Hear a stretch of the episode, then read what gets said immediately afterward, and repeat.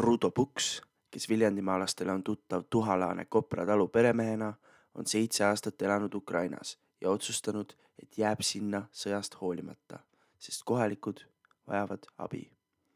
Sakala on seni temaga iga päev suhelnud, et kohaliku eluolu kohta küsida. vahel on õnnestunud mees kätte saada telefonitsi, kuid mõnel päeval saab vestelda vaid tekstisõnumite kaudu, sest sõjapiirkonnas on ühendus peaaegu olematu. Esmaspäeval pidas hetkel Kiievi lähistel viibiva Puksiga telefonivestluse Sakala ajakirjanik Egon Valdaru. kuidas sul praegu olukord on külas? Äh, eile, eile läks meil äh, inimesi jälle siin üheksa inimest Rinnasse eile hommikul viisime. ja sealt siis väikse bussiga sõidavad edasi Eesti poole. lap-, pool lapsi, pool naisi. Niimoodi, et neli, neli naist ja, ja viis last vist jah, täpselt oli ja nad olid seal Rinnas ja said sinna bussi peale ära panna ja sel hetkel tulistati rakettidele Rinna telemasti, kus on üheksateist inimest surma. aga tuli siis kähku, noh, tähendab, meie omadega midagi ei juhtunud seal ja ja, siis auto just sõitis tagasi ja rääkis seda. ja varsti oli ka Eesti uudistes oli, et seda telemast seal tulistati. Et sa rääkisid eelmine kord, et üheksa inimest on juba Kopra tallu kohale jõudnud. jah, vot see üheksa on see bussiarv, et nad pole kuidagi bussid täis siis ja nüüd on juba, pidid juba tänaseks pidid olema kuskil seal Lätis, praegusel hetkel Lätis kuskil. peaksid jõudma Eestisse mm. -hmm. sa kunagi ütlesid, et, et kuni sada inimest Kopra tallu ja siis teistesse turismitaludesse ka veel. no võib-olla jah, kuni sada kokku, et ei tea täpselt, kui palju nüüd siis nüüd tuleb. et praegusel hetkel on noh, teistesse kohtadesse lähevad ka, et kuidas, kuidas, kuidas see liikumine on. et hetkel tuleb sealt Putsast juba vähem inimesi ära, et paljudel on kuskil edasi minna, kuskil Karpaatide pool sugulased ja kesk, Kesk-Ukrainas kuskil sugulased, et, et tuleb siia ära, siin siis ööbivad ja siis kuskile lähevad siin edasi. et, et neid on ikka väga vähe, kes siis nagu Eestisse tulevad, aga kui palju neid täpselt tuleb, seda ei tea, et selline võimalus on meil kuskil saja ringis vastu võtta, jah. okei okay,, sain aru. kes, kes abi vajab, selle ikka võtan vastu, see on loomulikult. kuidas olukord praegu külas on, et kas rinne on veel lähemale tulnud ja kuidas selle pommitamisega on? pommitati ikka kuni täna hommikuni ikka täie jutiga, nüüd on mingi mõni tund vaikus olnud. kui ma vaatan, siis nad on üle Žõtomõri trassi ikkagi saanud venelased. Kaarti vaatan siin praegu. aga see on nüüd minust Kiievi poole, nad on siin minu ja Kiievi vahel juba otsapidi. päris, noh, veel päris ei ole, aga, aga see otsetee, mis siin tavaliselt on, nad on varsti selle minu otseteed, eks näha ole, kuidas nad liiguvad aga tänasest on komandandi tund kuni kaks päeva ja mingi vastuoperatsioon pidi algama, et keegi ei tohi kaks päeva nina välja pista. kuni seitseteistkümnendani mingi kellaga. Ja, ja midagi siin valmistatakse ette, midagi väga tõsist Ukraina poole. kas see tähendab, et komandandi tund kehtib ka teil külas? jah, igal pool.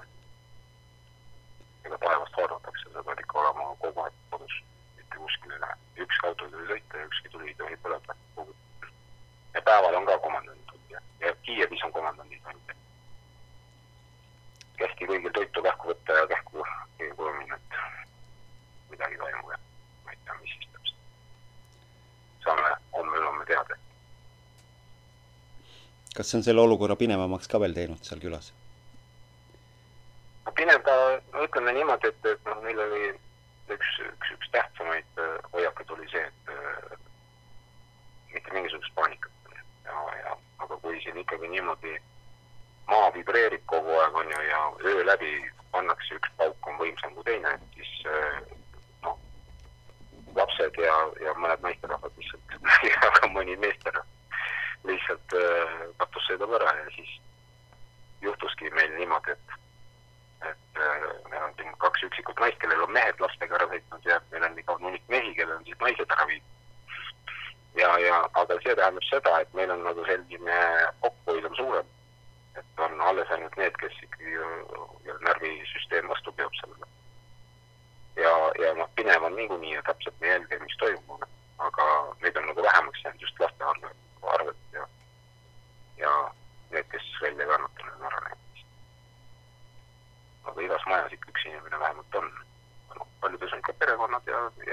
maju, kus on siis sõbrad siin ja varjus ja et noh, igasugust pinevuse kohta nagu ei oska öelda, ega algusest peale oli see asi nagu väga selge, et ega see lihtne asi ei siin. see läheb väga tõsiseks. et kunagi sa ütlesid, et kohalikud äh, kiidavad sind, et sa oled hea rahulik, et järelikult on äh, nendel ka parem olla ja rahulikum. et oled sa suutnud seda rahu säilitada? mul on ikka jah, ega noh, see on ju nii konkreetne see asi, et ega see nii ei ole midagi. seda tuleb lähedamalt, tuleb põllu peale minna või metsa minna ja tagasi siin midagi, midagi tõmmata närve, närvitseda siin ei ole. see on, mis sa siin ikka, kelle peale sa karjud siin? võib-olla pinge täis lihtsalt see, et nad, nad ei saa siis seda õhu, õhku kinni panna, et nad siin nad pommitavad ju lennukite pead no,. taevas on sealt kõrgemal määral on ikka kõik nende käes, venelaste käes. see ajab natuke viha. mm. -hmm. kuidas kohalikud läände ja NATO-sse suhtuvad ja kas ollakse pahased pettunud, et keegi sõjaliselt appi ei tule? lennukeid ei ole ju antud.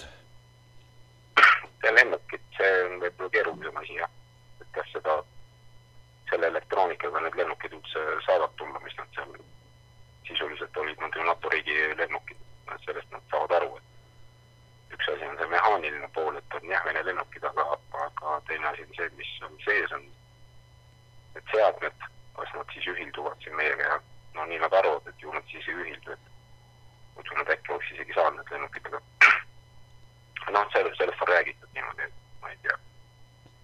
ja no ollakse ikka tänulikud iga asja eest, appi tänulikud, nad, tunnevad, et, et Euroopa ja Ameerika ja NATO on ikkagi tegelikult nagu selja taga, et noh, hoiab ikkagi sellist asja, et on keemiarünnaku oht või midagi niisugust, aatomrünnaku oht, et noh, siis nad on ikkagi kindlad, et tullakse appi.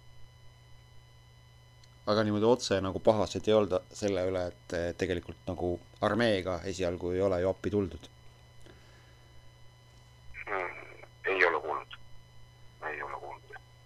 et ikkagi saavad ise ka aru, et palju asju jäi endal tegemata selleks, et nad oleks võinud ju olla NATO-s ja nad oleks võinud ju olla Euroopa Liidus, aga palju asju jäi endal tegemata. kaheksa aastat oli aega. mis nad siin, jah. ei ole minule küll niisugust juttu ei ole tulnud. Küsin nüüd, kas sa oma külas oled juba näinud või saanud lääne poolt saadetud humanitaarabi mingil kujul ja kas sellest on kasu ka olnud? ei ole, ei ole saanud. me siin eile just tänu sellele, et me seal rinnas käis see buss, me saime siin äh, ostetud siis neid äh, sidemeid ja haavaplaastreid ja, ja vatti ja, ja puhastusasju ja mingeid rohte valuvaigistid ja selliseid asju me saime kõik omal nüüd varutud. Loodame nagu saada, aga me mingit humanitaarabi ei ole küll näinud praegu kuskil veel. lootust on, aga, aga eks see tulevikus paistab. kas seda meditsiinilist varustust jagub nüüd tervele külale? no ei tea ju, kui see, kui vaadata seda, mis seal vallakeskuses, kus need pommid kukkusid seal, et siis kui see mingisugusel, need paugud siin keset seda teevad, siis ma arvan, et ei jätku. siis on kõik haavatud, kilde on kõik kohad täis ja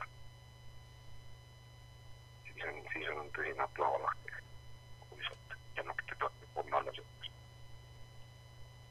eks seda varu oleks rohkem, aga seal oli eh, kohalikud arstid, haiglaarstid räägivad seda, et eh, kõik see varu, mis oli, see läks ikkagi nagu sellise sõjaväe ja rinde kasutusse ja tavainimesed on väga paljudest asjadest lihtsalt ilma jäänud, noh lihtsalt ei ole, apteegid on ka maha lõhutud ja lihtsalt ei ole seda, seda kaupa, aga aga kesk, Kesk-Ukrainas on ja sealt ikkagi tuuakse, nagu meiegi siis eile ikkagi saime lõpuks mingisuguse esmase, esmase varu. kes eile hommikul käis tohteril siin, panime kiiresti, saime nimekirja kokku ja ma saatsin, saatsin selle auto välja autost, siis tõi just sel ajal, kui nad, oli ta poes, kui need paugud käisid. tele, Prilli telemastikes. kuidas kohalikud, need, kes on juba ära läinud või tahavad ära minna, arvavad, et eh, millised riigid nende jaoks eelistatud on? et eh, on neil mingisuguseid eelmõtteid näiteks Eesti suhtes? Nad tahaksid võib-olla rohkem seda, et oleks keegi ees või et nad, nad kardavad ikkagi seda keelebarjääri, et nad väga noored oskavad inglise keelt. Nad eh, rohkem on nad hirmul ei ole tähtsust kuhugi minna. kes on sõjapiirkonnast tulnud inimene, ma arvan, et see esimene laine oli see, kes valis oma neid proovis kohta. Põgenesid lihtsalt ennem juba ära. aga, aga siis ikkagi see, need inimesed, kes praegu tulevad, neil on ikka ainult hea meel, et nad saavad varjuda. oled sa aru saanud ka, et kas nad on nõudlikud ka eesootava suhtes või on neil peaasi, et, et kusagil vari oleks ja? ei, nõudlikkust ei ole küll, nad on ikka alandlikumad. aga eks tahavad oma kuidagi elu edasi elada. ja laste haridus on muidugi tähtis ja esimene asi on loomulikult äh, see ikkagi turva, et turvaline oleks ja järgmine asi oleks, et oleks hoitud ja kolmas asi, et tahaksid tööd teha ja õppida. vanemad tööle ja lapsed õppima. ja muidugi no kujutage ette see närvipinge ka, et ega üle saavad ju ainult äh, lapsed ja naised. mehed jäävad siia, ega siis ei ole lihtne. et äh, see närveerimine ja väga paljudel nagu kitsaski vanemad inimesed jäid siia, nad siis nemad ei lähe kuskile või jäid oma majja ja tulgu, mis tuleb. aga palju inimesi on selliseid. kas sa Vene sõduritega oled kokku puutunud või on mõni külaelanik seal lähemal ajal näinud? tähendab, ei ole mina äh, Vene sõduritega nagu väga lähedal mul on, nagu ma olen teadnud ja aga ma ei ole, no, ei ole mingit põhjust neid nüüd uudistama minna. ja, ja siis äh, ja külaelanikud ka on ikkagi hoiavad eemale, üks on küll see autojuht ütles, et ta nägi eemalt Vene kolonni, kui ta sõitis, aga, aga jah, meil, meil nagu ei ole, suhteid nendega ei ole. diversantidest oled ka rääkinud ja tsetseenidest, kes seal lähedal kinni võeti? Ja diversandid olid esimene päev, need jooksid, neid otsiti siin taga, ega me ei näinud, aga, aga nad olid siis öösel lennukite pealt niimoodi alla visatud ja oli tulnud kohe niimoodi igasse piirkonda. lennuk oli üle lendanud, kõik kohe hüppasid kõik alla, ja siis need olid siin jooksnud ja igal pool ringi. siis see oli, see oli siis kaks nädalat tagasi, kui siis äh, iga päeva hommikul siis sõideti, sõideti tee ääri mööda, sinna otsiti jälgi ja otsiti neid punaseid majakaid ja, ja, ja siukseid asju. aga öeldakse, et need grupid olevat äh, nagu eemale hoidnud Kiievist nüüd, et ka kuskil rõõdutavad metsast, ühes näitel grupid vaatavad uusi käske või midagi. et need on ju tegelikult kohal. ja ega ei tea ka, et, et, et need samas näiteks meie valvekeskuse pommitamine, kuidas see pommitamine siis nii täpselt käis, et kes ja siis ja mis ja et võisid ka need majad paigas olla. aga niimoodi otseteateid diversantidest ei ole viimastel päevadel, nädalatel tulnud? viimastel päevadel ei ole jah, aga mingi aja tagant ikka öeldakse, et keegi võttis siin kinni, keegi võttis seal kinni. tšetšeenid on ka kuskil seal põhja pool äh, Kiievit räägitakse. aga siis esimest korda nad olid siin Butša ja Irpini kandis, olid nad siis äh, seal Ostomili äh, Antonovi lennujaama võitlusel. et see Ukraina president on nüüd selle sõjaga päris kuulsaks ja populaarseks üle maailma saanud, et, et kuidas ta Ukrainas ja teie kodukülas on, et on ta samasugune iidol? on ikka jah, ukrainlased ikka väga armastavad ta ikka suutis inimesi ühendada ja on ikka suur asi. ja, ja ära ei põgenenud nagu siin üks president lasi korra jalga ja see on nagu sihuke, jäi paigale ja võitleb oma inimeste eest. see hoiab aga kuidas Ukraina teistesse poliitikutesse suhtutakse, et kas on veel selliseid, kes on rahvale nii-öelda eeskujuks ja kellele vaadatakse alt üles? näiteks Kiievi linnapea, endine profipoksija Klitsko, kuidas, kuidas temasse suhtutakse? ei ole midagi nagu temast räägitud, siin ma küll ei ole kuulnud. noh, eks maainimesed on, rohkem vaatavad oma, oma piirkonna neid juhte ja noh, eks nad muidugi vanast ajast ei ole rahul nendega olnud, aga kuidas nüüd sõja ajal ei ole, ei olegi nagu kuulnud kedagi rääkimas, et inimesed ikkagi organiseerivad ja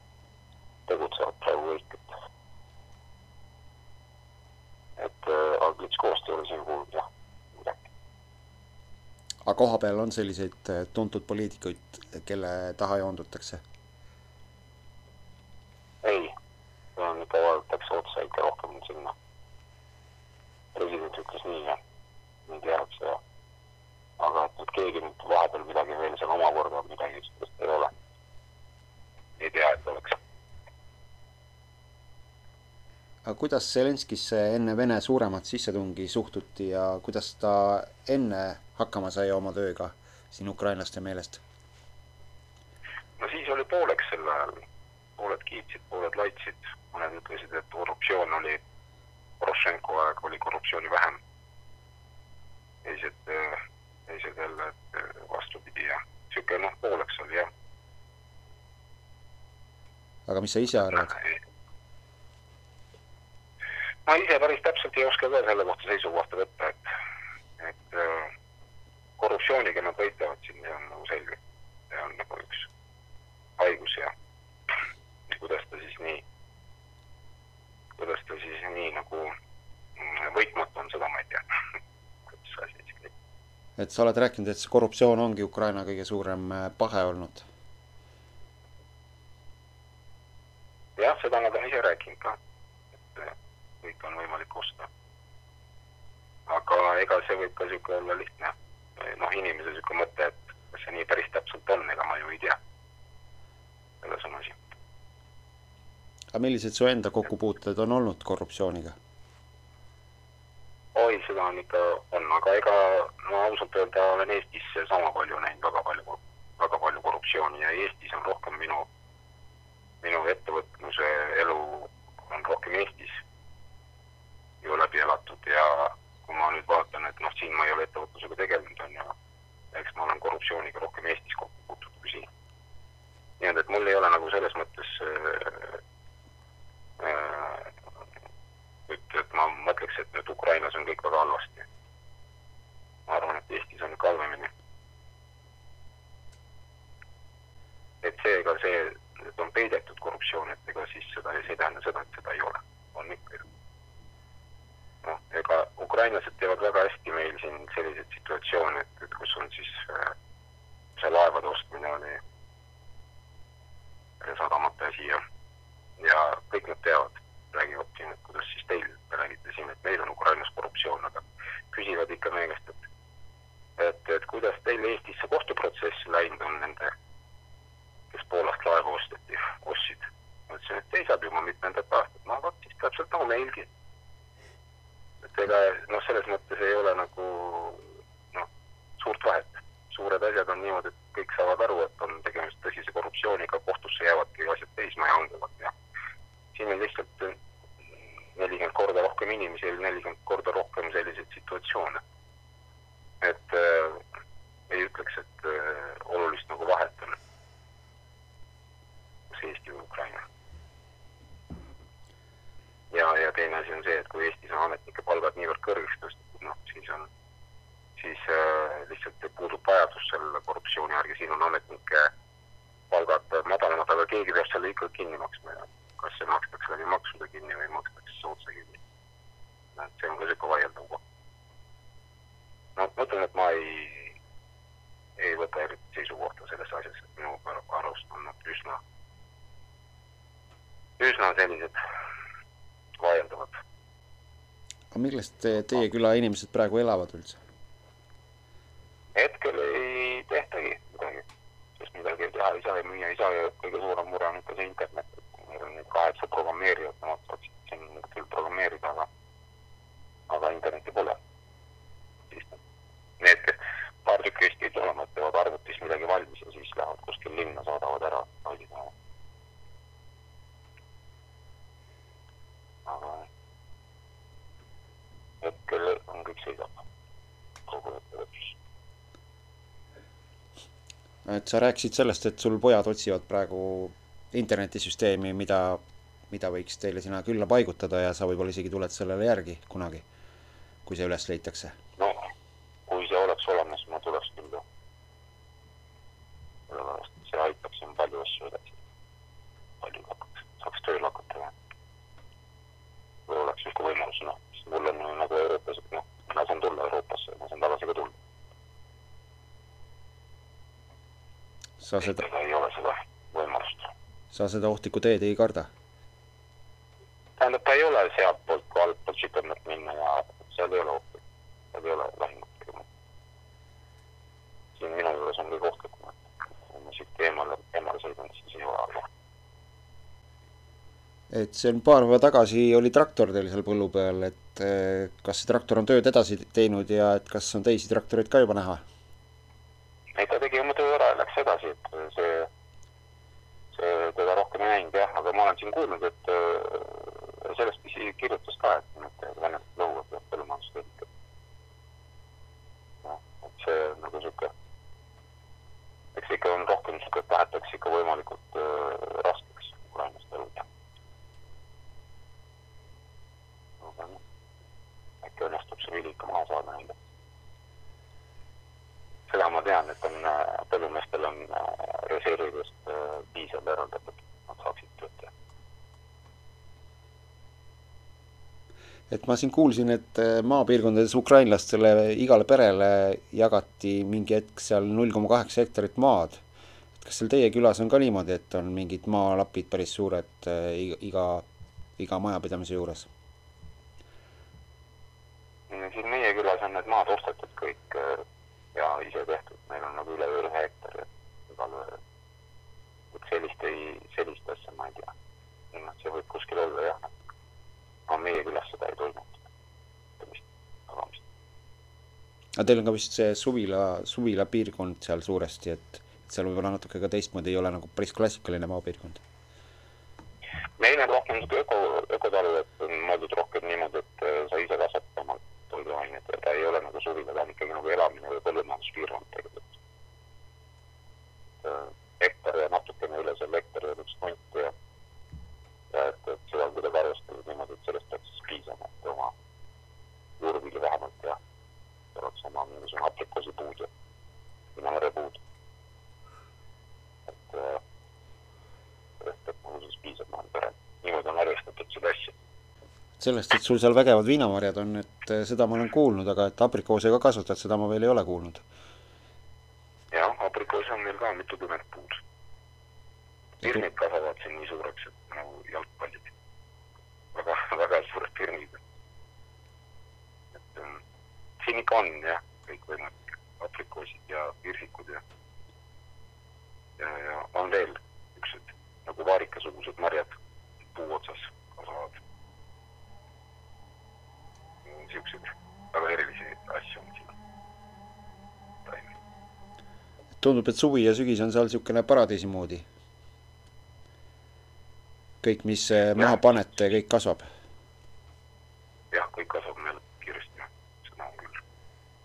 ühe korra tõin kartulid ja kuidagi üks kartul oli kotist välja kukkunud ja veeres kuidagi talvel mul.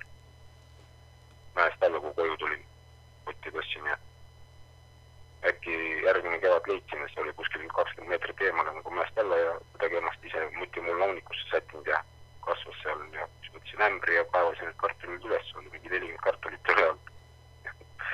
mõtlesin, vaat kus on kasum neljakümnekordne paned ühe maha ja nelikümmend tükki. pool ämbritäit või? no see oli ikka ämbritäis, suur ämbri, ehitus mingi plastmassämber.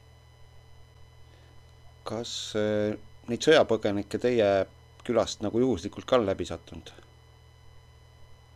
on ikka jah, nad on siit põlve läinud ja see noh, see liikumine on ikkagi tuttavate tuttavate kaudu ja keegi, kes teab ja, ja niimoodi. siin ei ole sihuke riiklik organiseeritud sõjapõgenike asi, see on sihuke, kui seal Butšas nagu, nagu oli võimalik sealt inimesi ära tuua, siis äh, siin külainimesed läksid kohe ja tõid oma sugulased kõik ära sealt ja, ja siis seal saadeti edasi. kõva organiseerimine käib siin.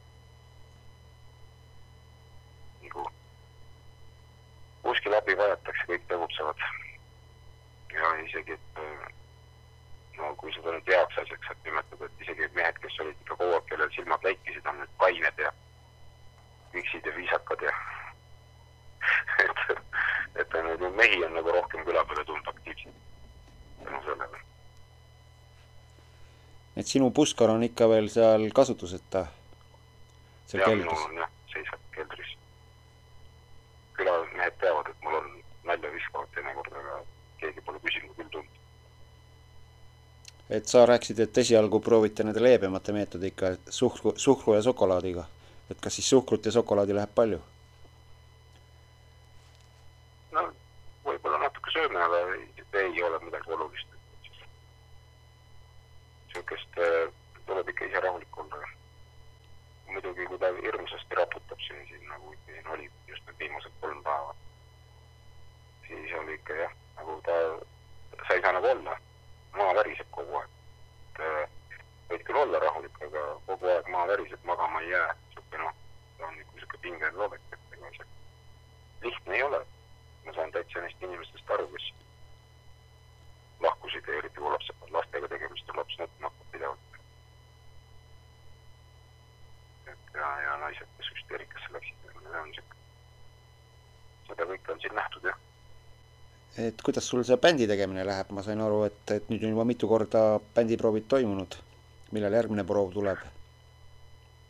Me siin õhtuti jah, nüüd, nüüd ei tea, nüüd, nüüd on meil komandandi tund, et kas nüüd, nüüd on päeval ka komandandi tund, kas nüüd keegi liigub. aga siin mõned õhtud saime kokku ja mängisime jah, päris põnev oli. paar meest kirjutavad sõnu ja, ja, ja siis mõtlevad, mõtlevad, mis lugudele nüüd see, kusjuures Ukrainas on need cover'ite tegemine väga eh, mingisugusel laulul tehakse oma sõnad peale, see on nagu väga kui hästi välja tuleb, siis mõeldakse alles võib-olla isegi oma meloodia välja. inimeste seas on jah, see coveri tegemine on väga populaarne. kas need rindelaulud või võitluslaulud on ka külas levinud, levinud või, või kuskilt äh, kohale jõudnud? ei ole sihukest asja, mina ei, ei ole siin olnud.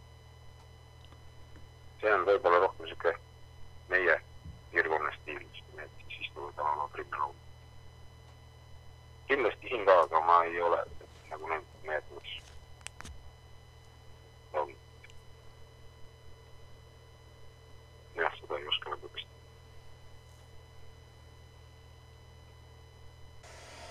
ega siin midagi jah, ega siin vist kaks päeva mitte midagi ei juhtu, et tulebki mõne päeva pärast ühendust võtta, et komandandid läbi saab siis. okei okay.. täna on teisipäev, et, et võib-olla siis äh, neljapäev või reede siis helistaks jälle. jah, räägime. aga suur aitäh sulle ja pea vastu noh, sulle ka, et helistada, eks me peame ikka. ja kõike head.